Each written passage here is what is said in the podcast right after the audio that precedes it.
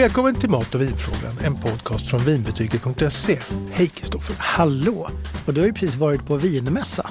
Ja, visst, vilket äventyr. Ja, verkligen. Vad heter det? Sparkling Stockholm? Ja, och det är en specialmässa för bara olika mousserande eller bubbel. Och du har gjort lite inslag därifrån. Ja, visst, och eh, det var ju ett äventyr i sig. ja, jag, lovar att nästa gång följer med som ljudtekniker. Den här gången fick du klara det själv, för jag hann inte. Nej, och det var betydligt fler sladdar än vad du hade sagt. Ja, jag vet. Jag kanske ljög lite i min uppskattning. Ja. Men det ska vi lyssna på idag. Ja, det är första gången jag är på en sån här mässa. Mm. Och som det låter då så är den då eh, i Stockholm på ett ställe som heter Stockholm Waterfront. Mm. Jättefint. Ja, fast lite tramsigt namn kan jag tycka. Ja, det Nej, men det låter ju som de är ensamma om att ha sjö, liksom, Ja, sjökontakt. Ja. Stockholm är ändå byggt på öar och det finns hur mycket strandlinjer som helst. ja, det är väldigt sant. Stockholm Ja, Waterfront. precis. Den Ja. enda fronten. Ja.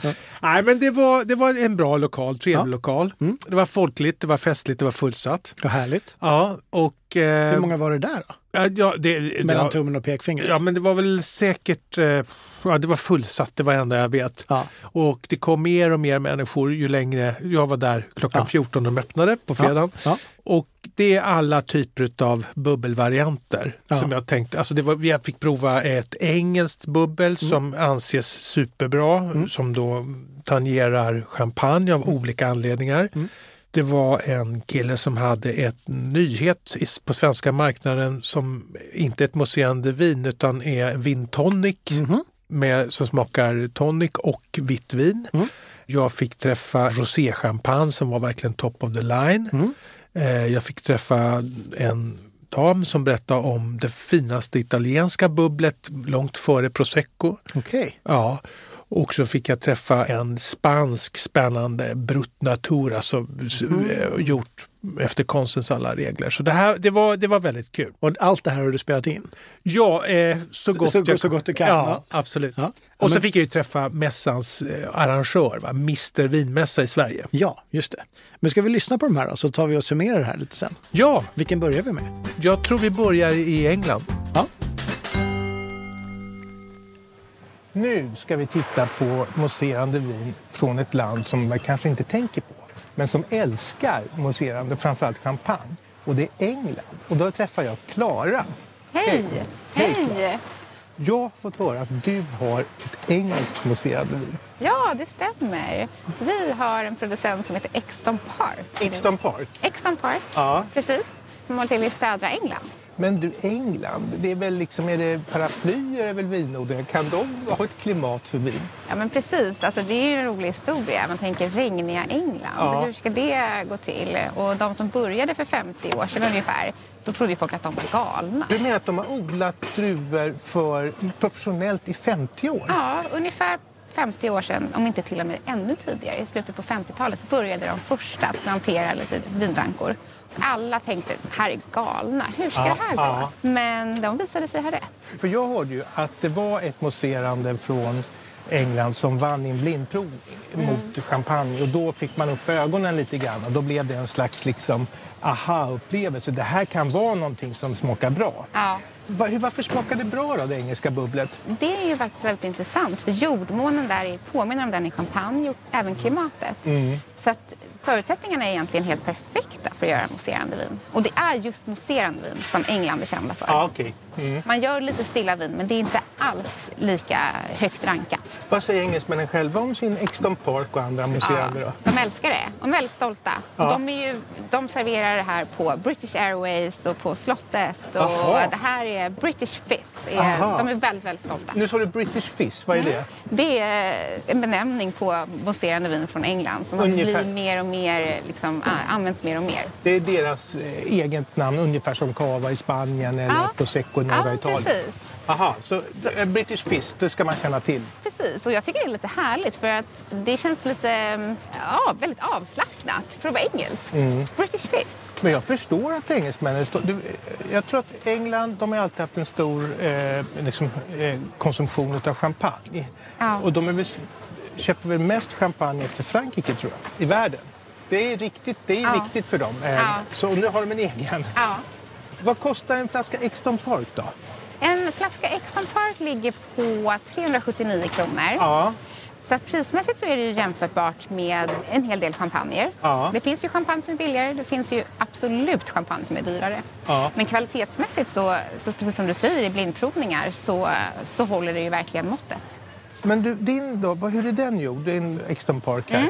Ja, men, eh, det är gjort enligt den här traditionella metoden som man även gör, använder i champagne. Så Ja. det är en, en andra jäsning på flaskan och det är lång tid på jästfällningen som gör att vinet får de här komplexa tonerna och aromerna. Och vad är det för druvor? Det är Chardonnay och Pinot Noir.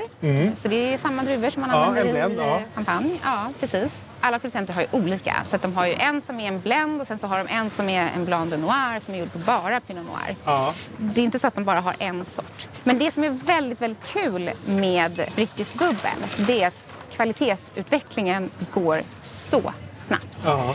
Och det kan man ju nästan tänka sig när man börjar så här. Okej, Exxon Park etablerades 2003. Det är alltså 20 år sedan Mm. Ja, ungefär. Och vi vet ju alla att rankor, vinrankor som är äldre anses bättre. Där Mm. Ja, får man 30 år högre jag, kvalitet Ja. på frukten. Så man förstår ju att för varje år som går, rötterna växer djupare ner i marken, kvaliteten höjs. Mm. Man bygger också på den här reserven av viner som man Mm. använder i sin blend.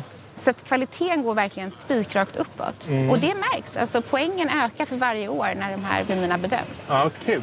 Men du, om jag, kan jag bara gå in och köpa då på systemet? Ja, alltså snart kan du göra det. Ja. Vi har en tillfällig lansering den 25 mars. Ja. Då släpps eh, Exton Park Blanc de Noir. Så den är gjord på 100% Pinot Noir. Ja. Och 1800 flaskor. Så det är ett tillfälligt släpp. Eh, men det är ett relativt stort tillfälligt släpp. Men du, vad, vad spännande. Jättespännande.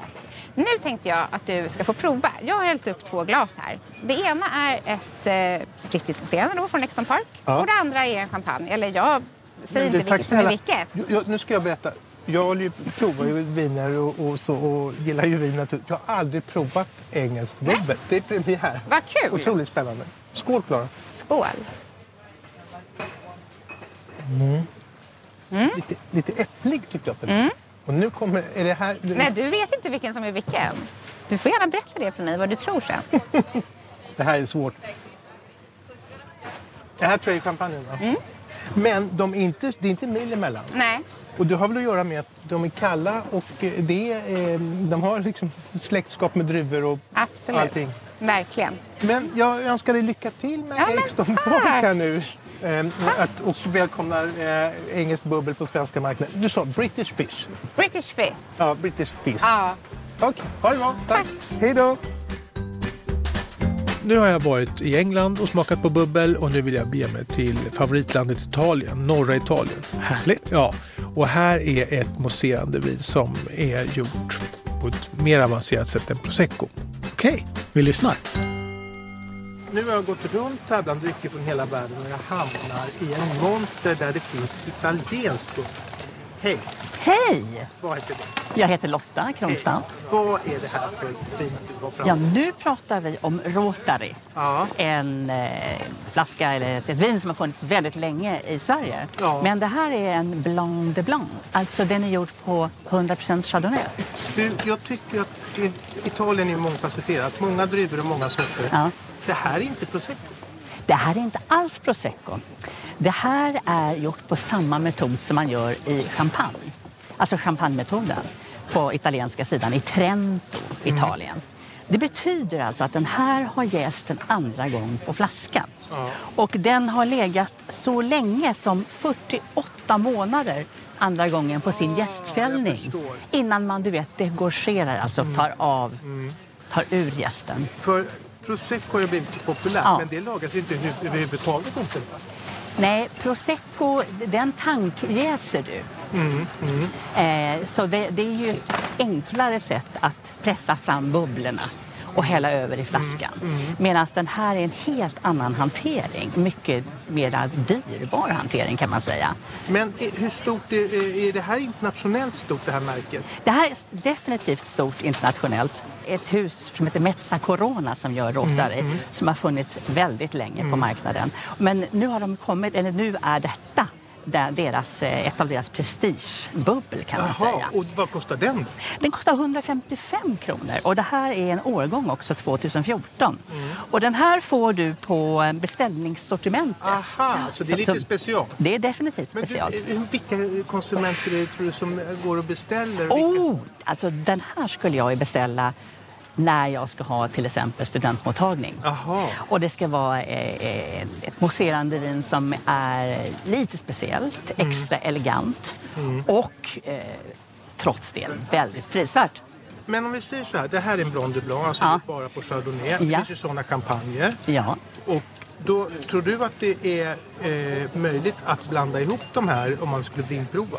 Eh, både ja och nej. Det här är ju en, har ju en, en dimension som ändå säger att det är eh, italienskt. Ja, okej. Det är något eget. Och, ja, och du har en helt annan, du har en annan karaktär i champagne. Sen kan man ju säga, många tycker att det är lika bra. Mm. Det är inte alltid så att champagne måste vara bäst, bäst, bäst. Absolut inte. Men du, jag är väl bekant med det här märket, men jag tror att jag, jag kan ju en del italienska, ja. men jag undrar om inte jag haft fel uttal. Hur uttalar du det här? Jag säger Rotary. Rotary. Men många säger Rotari också. Ja, okay. Och när du ska handla så spelar det ingen roll. men du, finns det ett artikelnummer på den här man vill beställa? Yes! Den här är artikelnummer 771 5,2. Och det som är speciellt med den här också tycker jag att den har väldigt lite sötma i sig. Ja. 2,5 gram per liter vin. Knastertorr. Knastertorr. Mm. Och 12,5 eh, procent i alkohol. Och vad skulle du eh, servera den till? Sommaren är räddad. Ja. Jag skulle ha den till en härlig eh, buffé. Ja. Sommarbuffé, Det är studentbuffé. matvin kan man Ja, säga. det kan man. Ja, Eller ett fantastiskt drinkvin alltså, innan middagen. Men då- Bersåvin säger ja. vi ju. Ja, men super. Nu måste jag hasta vidare. Jag Ja. tackar så jättemycket. Men, men tack själv! Kul att du kom förbi. På den här mässan så är ju inte allting mousserande vin utan det finns ju eh, specialare också som den här nyheten från Österrike. Det är alltså vitt vin och tonic ihop. Okej. Hur kan det smaka? Hur det ska bli. Ja, verkligen. Vi får se. Nu går jag runt Abla Montrans och hamnar framför en monter där det står Det här ser inte alls ut som champagne. Hej! Vad heter Hej, du? Niklas heter jag. Hej! Du, vad är det här för någonting? Eh, ja, det här är en liten udda fågel som eh, vi sprang på i Österrike förra året. heter Vin Tonic. Men är det så alltså- champagne? Nej, det är inte alls champagne. Det, är inte alls champagne. Det kan inte vara från Österrike, Nej. Nej. det här är en riktig specialblandning. En helt unik ny grej som heter Vin Tonic. Det är alltså Österrikes vitt vin gjort på Grüne Veltliner-druvan Mm. uppblandat med eh, tonic. En riktigt schysst premium tonic. Mm. 50-50 ungefär som man blandat upp så det är lite lätt mousse i den. Ja. Eh, Gillar man eh, drinkar som gin tonic och den biten så kommer man någonstans ha en liten förnimmelse av det när man provar gin tonic också. Men den här lite fräschare, fruktigare och mer alldaglig stilen. Men så kolsyran kommer från tonicen? Jajamensan. Men du, då blir jag ju nyfiken så här. Eh, om jag har öppnat den här, Mm. eh, hur länge håller den här då med sin kolsyra? Det beror på hur fort du dricker upp den. Nej, men jag tänker på om jag tar ett glas. Ah, jag skulle säga så här, det är skruvkapsyl på den vilket Ja. är väldigt smidigt också. Då. Så att du öppnar den här, du kan spela upp ett, två glas. Tillbaks med skruvkapsylen, in i kylen. En vecka upp till två veckor ska inte vara några problem. Aha. Men du, det här är alltså nytt i Sverige? Det här är i princip nytt i hela världen. Den lanserades 2020 i Österrike, spann över till Tyskland. Herrarna som tog fram den här blev totalt överrumplade av dundersuccén. Man sålde flera miljoner flaskor på första året.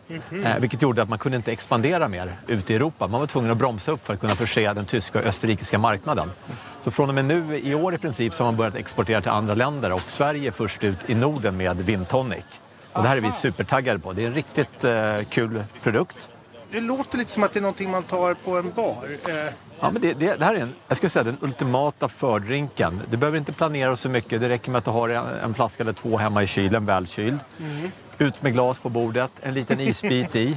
Ja. Sen kan du ha en citron, men du kan också låta fantasin spela. En liten gurkskiva i, lite rosmarin, eh, något bär i och den biten. Men den klassiska serveringen som vi kör här idag, det är lite is, citron, rätt upp och ner. ja. Flaskan väl kyld. Så kör du den här som en fördrink. ja, men kul. Men du sa så här att det är hälften vin och hälften tonic. Jajamensan. Vad blir alkoholhalten ungefär? Ligger på strax under 6 procent. Är det en del av framgången? Jag tror det, för det, det, trenden går ju mycket mot att man kanske ska gå dra ner lite grann på alkoholen. Och i och med det här också, dricker du ett litet glas så du får ingen, ingen berusning eller någonting alls sånt. Utan det blir som en liten fräsch, frisk drink som, eh, där du kan ta ett glas utan problem. Okej. Och den här finns på Systembolaget nu? Eh, den står inte på hyllorna. Men den lanserades i beställningssortimentet för ja, vad var det, 24 februari. Så den är busfärsk. Eh, vi släppte på den här för två veckor sedan och eh, ordrarna rullar in. Kul! Och det vi har märkt när vi har provat den här med, vi har provat den på en annan konsumentmässa också och folk blir helt tokiga i den. Du, nu är vi lite före alla väller Ja. in här, men du får väl eh, barrikadera när de kommer? Ja. Och då undrar jag naturligtvis som alltid, vad kostar den här? Den här flaskan, en flaska Vin Tonic kostar 89 kronor. Och det är då beställningsvara på Systembolaget. Ja, Okej. Men det här låter spännande, Niklas. Ska vi prova den? Ja, om jag hinner. Vi tar Ja. en snabbsikt ja. då. Får känna på den här. Ja, tack snälla. Det bubblar ju faktiskt. Mm. Mm. Ah. Mm. Mm. Nu, kommer, nu får du svara dina eh, besökare här, eh, Niklas. Ha det så bra. Hej! Ja, tack. Hej. I champagnevärlden så finns det ju högt och lågt också. Och då finns det någonting som faktiskt ligger i toppen som man inte kanske tänker på, som är, anses vara det yppersta. Och det ska jag smaka på nu. Kul! Här på mässan så är det mousserande viner av olika kvaliteter och sorter från hela världen. Men nu är jag framme vid en monter och träffar Linn. Hej! Hej Stefan, kul att se dig. Hej! Berätta, vilket vinhus är det du representerar? Eller champagnehus heter det. Jag gillar i och för sig att du kallar det för vinhus, för det är ju ändå vin. En speciell stil. Och det huset som jag representerar, det är Louis Röderer. Berätta om champagnehuset.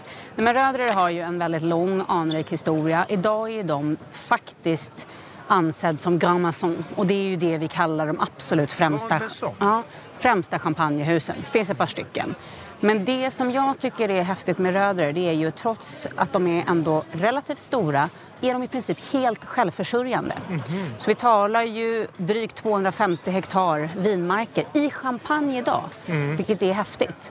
Och utav dessa så är ungefär 100 hektar för deras prestigevin Kristall, som ni kanske har hört talas om. Ja, men Kristall det känner vi ju till och då är det alltså samma champagnehus som gör Kristall. Helt korrekt. Helt korrekt. Men du, jag tycker det finns ju alla va- varianter idag. Det är Blanc de Blanc, det är Blanc de Noir och så vidare. Och här har vi då en rosé. Är det någonting att ha? Absolut. Och det, det är ju så att roséchampagne kanske många förknippar med att man bara dricker på sommaren eller när solen tittar fram. I min värld så stämmer inte det. Jag tycker också att ros- roséchampagne är ett väldigt trevligt alternativ att testa till lite mat. För det är så pass fylligt och smakrikt. Men där måste jag fråga, om du skulle eh, beskriva skillnaden mellan den ljusa vanliga gula champagnen och de, eh, den här roséchampagnen smakmässigt. Var inne på det. Mm. Ofta så brukar ju då vanlig champagne så att säga vara väldigt krispig, äpplig, citrustoner, lite bröd kanske. Medan ro- roséchampagnen har ju då mer klassiska toner som man förknippar med rosévin. Hallon, smultron, blodgrape och så vidare. Nu är ju den här roséchampagnen från Rödre är ju också en årgångschampagne. Och det betyder ju att man väljer ju att göra den här champagnen bara specifikt bra årgångar. Och det gör också att den kan vara lagringsbar. Okej. Till skillnad för då de här champagnerna där det står non-vintage på, NV, utan årgång. Just det. Bra att få reda på. Men du, då, om det här är en årgångschampagne dessutom, då kostar väl den lite mer kanske? Ja, men den gör ju det. Och tanken är ju att man ska ju kunna lagra den över tid. Och det är därför den får kosta en slant extra, men det är också en mycket mindre volym som produceras och då kostar det ju lite mer att göra. Men du kan ju alltså lagra en roséchampagne i decennier Ja. eh, utan problem. Det är så? Ja, absolut. Så det kan man ju testa. Jag tycker dock... sådana här på auktion gamla? Det gör de ju. Och många ser ju faktiskt vin idag som en, ett alternativ till en Ja. aktieportfölj. Ja. Men jag tycker ju att Rödres champagne funkar fantastiskt bra att dricka idag. Mm. Men du kan också lagra den i 15-20 år till. Det är svårt det här tycker jag att få en bild av roséchampagne. Jag får ibland en känsla, det, så, det känns lite romantiskt, det kan man tycka så med färger. Men också att, man, att det här, den här är ju mer avancerad, mer lagrad än många andra champagne. Det, det kanske man inte känner till. Alltså rosé, det känns inte som att det skulle vara ett snäpp upp, men det kan det vara. Ja, men också tillväxten för roséchampagne har ju varit fantastisk. Och det började ju egentligen med att svenskarna för en, ja, tio år sedan upptäckte rosévin generellt. Och sen efter det, när man då tillvänjer sig att dricka vanligt stilla rosévin året runt så har man nu insett att man vi kanske ska testa att dricka det även på mousserande. Så att det, har ju, det finns ju även ganska goda exempel på flertal andra roséchampagner idag tillgängliga på Systembolaget men det finns ju också en hel del andra typer av mousserande vin på rosé. Men den här då, kan man säga att det här är ett ganska säkert kort som present? Det tycker jag verkligen. Nu är det lite larvigt att säga men den kommer ju också i en väldigt fin presentlåda. Va? Som känns väldigt lyxig och fin. Så det gör ju att det blir ganska enkelt att ge bort den.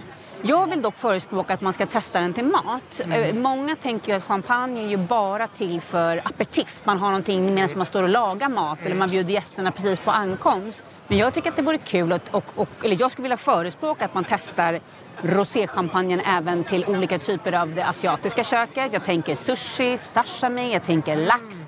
Utöver de här klassiska Ja, just det, kombinationerna just det. som skagen och löjrom Ja, och laxsnittar eller vad det kan vara. Men man kan även våga sig på och servera det till rätter med lite ljusare köttslag eller fisk. Jag tänker kyckling till exempel. Mm. Ja, Eh, och fisk, fantastiskt. Ja. Rosé även till jordgubbar i sommar, vad sägs om det? Jag vet inte, det låter bra. Jag känner mig väldigt nöjd med den här beskrivningen. För jag tycker att eh, jag har en annan bild av roséchampagner. Att det är faktiskt någonting som kan vara top of the line. Men du Linn, här ser jag också bland alla de här tjusiga champagne. En halv, en liten flaska, den ryms i min hand alltså. Vad är det här för någonting? Visst är det fantastiskt? Vet du vad? Det är också från Louis Röderer och det här är ju deras instegschampagne som vi kallar det för. Det vill säga årgångslös champagne där man blandar flera olika årgångar och ambitionen är ju att man ska känna igen husets stil då oavsett när man köper det i livet. Men det som är kul med Röder är att de har ju faktiskt tagit det här konceptet ett steg längre. Så de lägger ju till namnet Collection 243. Och då undrar man, vad då kollektion 243? Men det betecknar egentligen det 243 året som champagnehuset har gjort champagne. Så det visar också hur... hur Vilken eh, långsiktighet man har jobbat med. Men det här, jag tycker det här är lite intressant med en halvflaska. Jag kan tänka mig att man kommer hem och så säger man så här, ska vi ta ett glas champagne? Och så är det en tisdag så tycker man, vi öppnar inte en flaska. Men en halvflaska går ju bra. Alldeles utmärkt. Och inte bara det. Även till helgen, om man tänker att man kanske kommer fortsätta måltiden med ett annat vin. Om man kanske inte är fler än två personer. Då kanske det passar extra bra att man öppnar en liten rackare precis innan eller till förrätten och sen kliver över till varmrättsvinet. Tror du att det kommer att se mer halva flaskor? Absolut. Och jag menar nu bara under pandemin så har ju halvflaskorna skjutit i höjden försäljning på Systembolaget. Ja. Så fler och fler inser ju hur härligt det är att faktiskt kunna prova flera olika sorters vin men på halvflaska. Och vad kostar den här halva? För det här är ju ingen gratis champagne. Nej, den kostar 249 kronor. Jag menar, det är en ansenlig summa pengar men om man vänder på det och tänker vad betalar jag för ett glas champagne på restaurang? Ja. då är det helt plötsligt ganska gillar jämförelsen. Jag gillar Ja. jämförelsen. Så Men- unna er hemma att köpa champagne. Så tycker jag att det är härligt att den ryms i handen. Visst är det fint? Ganska en trevlig gå-bort-present. Eller till sig själv kanske. Eller hur? Ja. Ja. Linn, jag tackar så jättemycket. Och eh, lycka till här på mässan. Tack snälla. Vi hörs. Hej. Alla länder har ju sin special när det gäller mousserande vin och inte minst Spanien. Och där har man ju cava, eller cava som man säger. Men där finns ju någonting som är snäppet ovanför den vanliga cavan. Och det heter då Penedès och det ska vi titta på nu. Okej. Nu går jag runt här på mässan och då ser jag helt plötsligt en enorm skallig man på en enorm affisch i denna kampanj och mousserande värld. Vad är det här? Det här är Loxarella Pell, ett mousserande vin från Barcelona-trakten Penedès med en skallig gubben på etiketten. Ah, men du, den här eh, mannen då som är betydligt större än era flaskor som tittar med en intensiv blick. Vad är historien med honom? Ja, det, historien är- är bakom är lite rolig. Vi får ju väldigt mycket frågor kring det. Folk undrar om det är Aschberg eller om det är Petter eller någon sån där. Nej, det är en, en helt eh, vanlig kar ifrån, ifrån Barcelona-trakten. Men varför den heter Appell är ju för att det är då ett katalanskt uttryck för någonting som inte har hår eller inte tak eller inte skydd. Så det här är alltså då Loxarells eh, sätt att beskriva vi jobbar helt naturligt utan tillsatser, utan olika typer av skydd eller tak. Det är en helt naturlig produkt. Jaha, så han symboliserar egentligen att det är inga konstiga medel i. Jajamensan. Ja. Okej, men du, vad, vad berätta om själva drycken då. Är det en kava?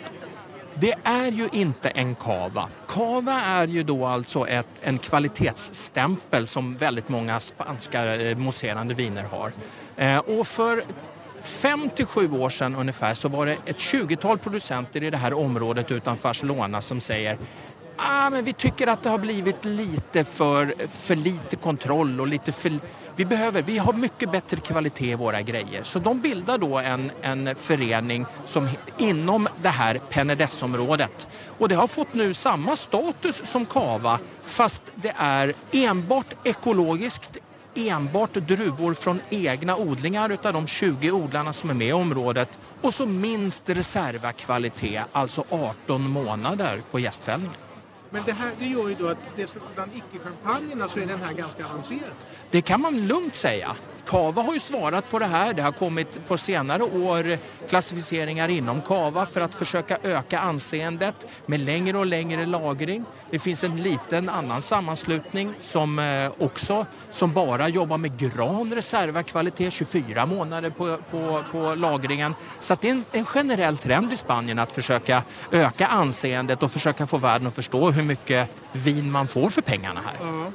För det är väl så kanske att spanjorerna behåller det mesta för sig själva. De gillar sitt lokala museum. Det går ju inte att hitta något annat när du är nere i Barcelona. Eh, där dricker man cava. Är, eller, eller Classic Penedès. Det är så det ser ut. Men du, vad, nu står jag med den här flaskan och eh, mannen på etiketten, Loxarella Pell står det på den. Vad kostar den här? 119 kronor. Ja. Och man hittar den på de allra flesta butikerna. Idag måste man nästan bara gå ut på Systembolagets egna hemsida för att söka ut butikerna närmast en själv. Och den här Ja, rosén här, den släppte vi alltså eh, den första mars i år. Också 119 kronor i 250 butiker runt om i Sverige. Men du, jag måste säga så här, jämfört med mycket annan museum. Det låter ju som att det är lång lagring, det är fina druvor, det är naturligt, det är inget tillsatt socker. Så låter ju priset eh, väldigt bra. Vi måste säga själva att tillsammans med den här producenten så känner vi att vi har hittat, eh, eh, vad, vad ska man säga, en sweet spot verkligen. Mycket vin för pengarna. Vi är urglada. Det finns dessutom ett rött syskon i sortimentet på Systembolaget som vi kallar för Sense Appell. Eh, lite dyrare men fortfarande himla himla bra. Lite avvikande från bubbelfestivalen här men dock. Eh, det är också, båda vinerna är brytt natur. Och brytt natur är ju eh, spanjorernas sätt att säga vi har inte tillsatt något socker här. Annars när man gör de här vinerna så jäser man ju en andra gång på flaskan. Och sen när man då har skjutit ut den här ispatronen med fällningen så fyller man tillbaka med lite granna vin. Och då kan man ju styra sötman i vinet. Här tillsätter man bara den rena druvmusten, inget socker. Så att för att få vara brytt natur så är det toppklass på druvorna och det måste vara under 3 gram socker per liter. Ja, det är supertoppen. Det är supertorrt. Ja, men vad härligt. Men du, jag tackar här. Det börjar bli fullt här på mässan. Tack så mycket. Tack för din tid Stefan. Hej. Hej.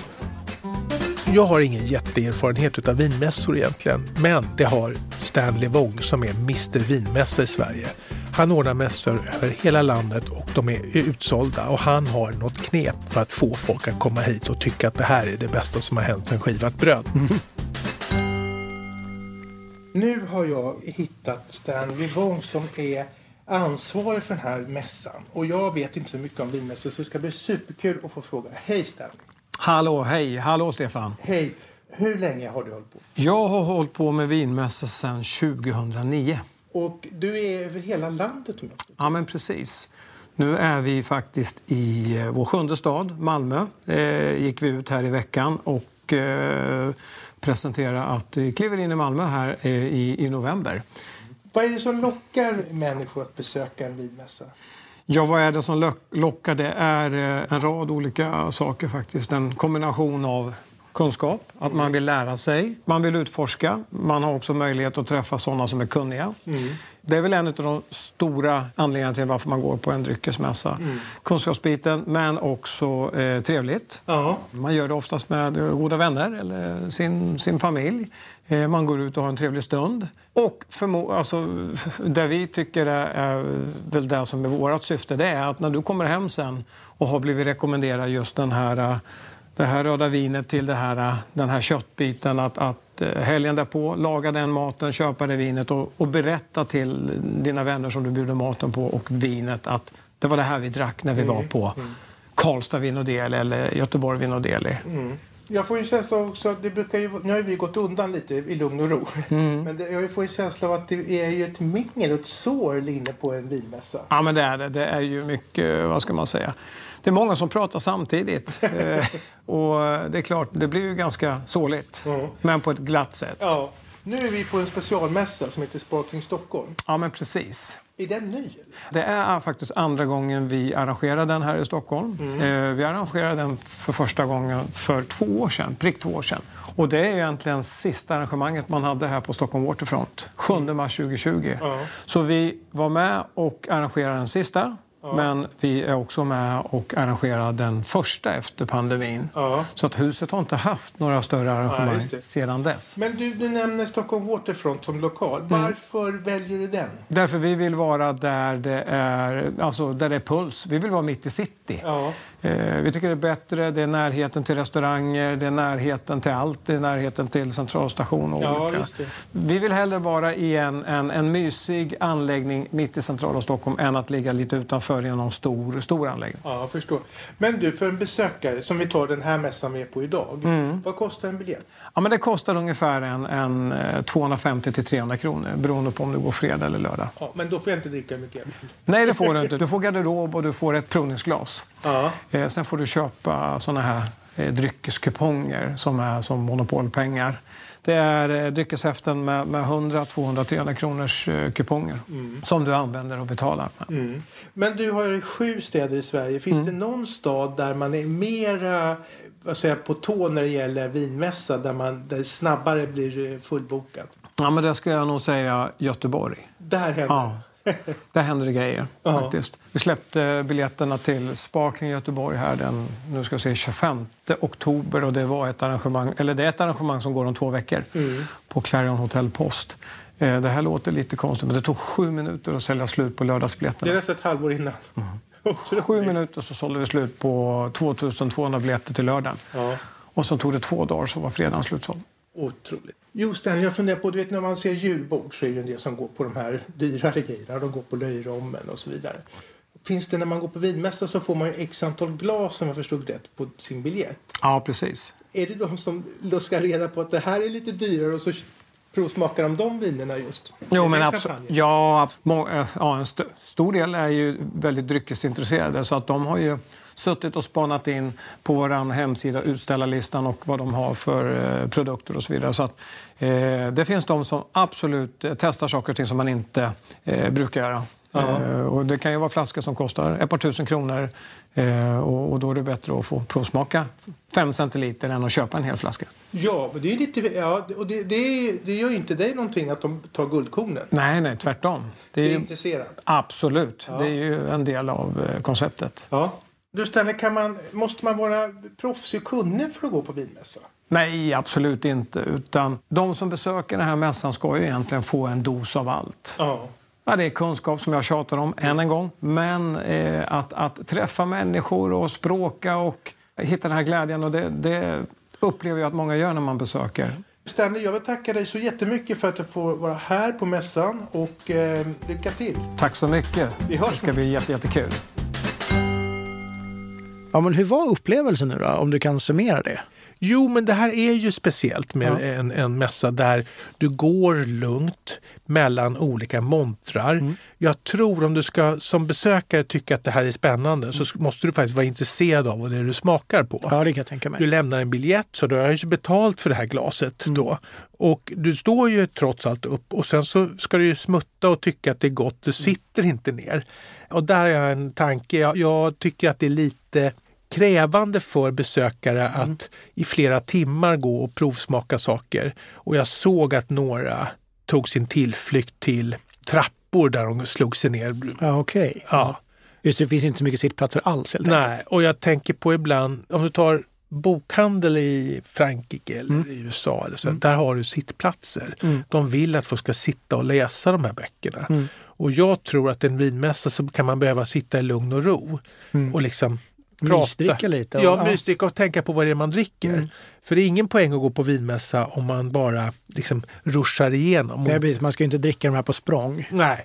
Och så tror jag att man ska säga, eh, göra en notering i sin mobil eller vad man har. Så Mm. att det här var super, det här från det här stället. Det, det är någonting, så att man har det kvar. Mm. Man provar ju många saker. Det är smart. Det var både en bra tips till folk som går dit och en bra feedback. Ja, eh, jag tror att eh, vinmässa är ungefär som, det är lite socialt. Ja. Det finns en mingelstämning där inne. Mm. Och eh, jag kan tänka mig att man eh, säger så ska vi göra något kul? Mm. Och så säger man, ska vi gå på bio eller ska vi eh, gå på en utställning eller ska vi gå på teater eller ska vi göra något annat? Kanske en vinmässa. Ja, som ett så, en sån sak. Ja. Och sen finns det de som ju är, verkligen vill lära sig. För man kan lära sig, om man är duktig och, och, och prickar in olika mousserande viner och noterar att nu dricker jag faktiskt det här och det smakar så här och så här, så har man fått en bra bild. Men det är ju inte gratis heller. Nej. Varken liksom, inträde plus de här eh, vinbiljetterna kostar så att man ska nog vara, tror jag, riktigt intresserad för att det ska ge någonting. Men det är man ju om man lyssnar på oss. Tror jag det. Ja, visst. ja, men det var väl allt för den här gången då. Ja, Så ser vi fram emot nästa äventyr på mässor. Då ska jag följa med. ja det är bra. Jag kan behöva en ljudtekniker. Tack, vi hörs. Vi hörs nästa vecka. Tack alla som har lyssnat. Ha det bra. Hej! Hej! Har du frågor om mat och vin? Alla frågor är välkomna. Maila till mig på stefan.vinbetyget.se